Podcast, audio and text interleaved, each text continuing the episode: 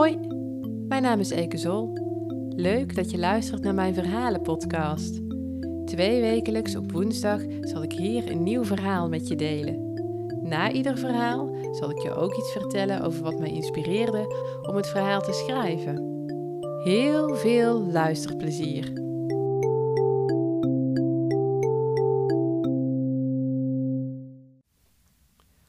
Opa. Het was vroeg in de ochtend toen opa als jongen van dertien met zijn vader en zijn jongste broer uit Amsterdam vertrok. Ze waren op weg naar Wierum, een dorpje aan de Waddenzee waar zijn grootouders woonden. In de haven van den oever zagen ze het eindelijk, een weg die zich voor hen uitstrekte tot aan de horizon. Ze hadden het moeten doen met de foto's uit de krant. Vorig jaar al mocht het eerste verkeer over de afsluitdijk heen. Waar de weg ophield, leken de twee zeeën elkaar weer te omarmen. Het was bijna niet te geloven dat ze straks, fietsend over het water, Friesland zouden bereiken.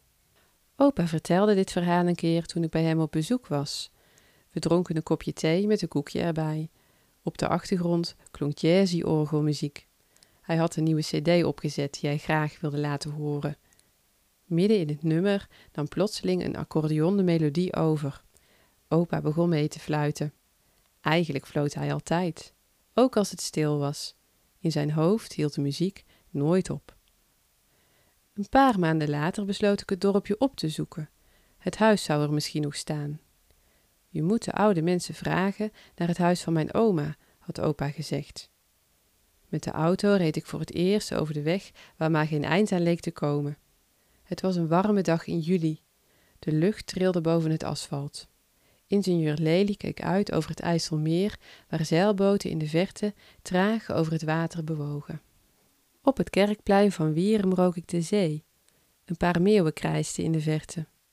Veel huizen leken niet meer bewoond te zijn, maar bij een huis tegenover de kerk was een oude man zijn vensterbank aan het voegen. Goedemiddag, meneer. Hij keek niet op. Mag ik u iets vragen? Hij ging wat rechterop in zijn stoel zitten. Ja. Ik vroeg hem naar het huis van mijn bedovergrootmoeder. Van achter zijn brillenglazen nam hij mij een beetje argwanend op. Zij was mijn oma, zei hij. Waarom wilt u dat weten? Ik vertelde hem over opa. Maar dan moet u zijn neef zijn. Dat vond ik wel heel bijzonder. Hij bleef mij onbewogen aankijken. Misschien had ik hem wel gestoord. Ze woonde hier om de hoek. Hij stond op en gebaarde dat ik hem moest volgen. De man schuifelde voor mij uit. Af en toe depte hij zijn voorhoofd met een zakdoek. Voor een huis waar een woekerende struik de ingang verborg, bleef hij staan. Hier is het. Het was een klein huis, meer een soort schuur eigenlijk. Hier had ooit een groot gezin in gewoond. Ik kon het me bijna niet voorstellen. Hij haalde een pijp uit zijn broekzak tevoorschijn.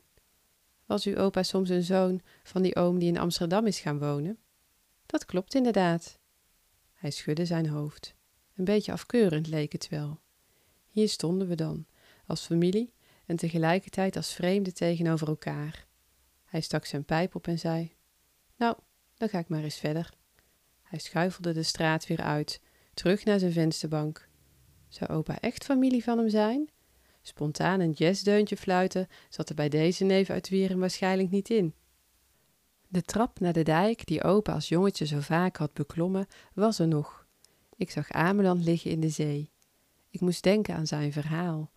Ik hoorde de orgelmuziek weer op de achtergrond. In gedachten zag ik hem als jongen tegen de wind in fietsen.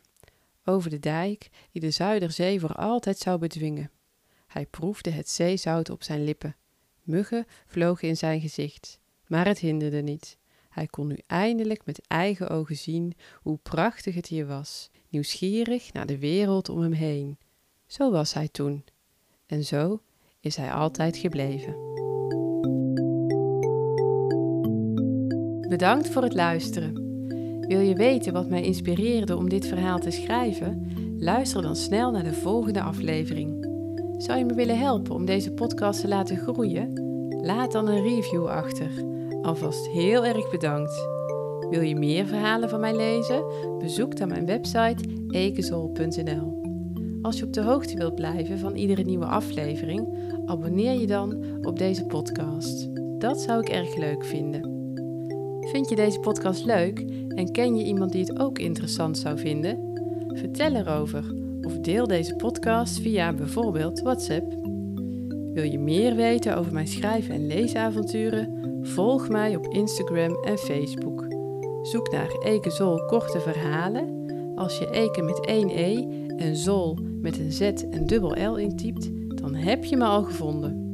Nogmaals, heel erg bedankt voor het luisteren en graag tot de volgende keer.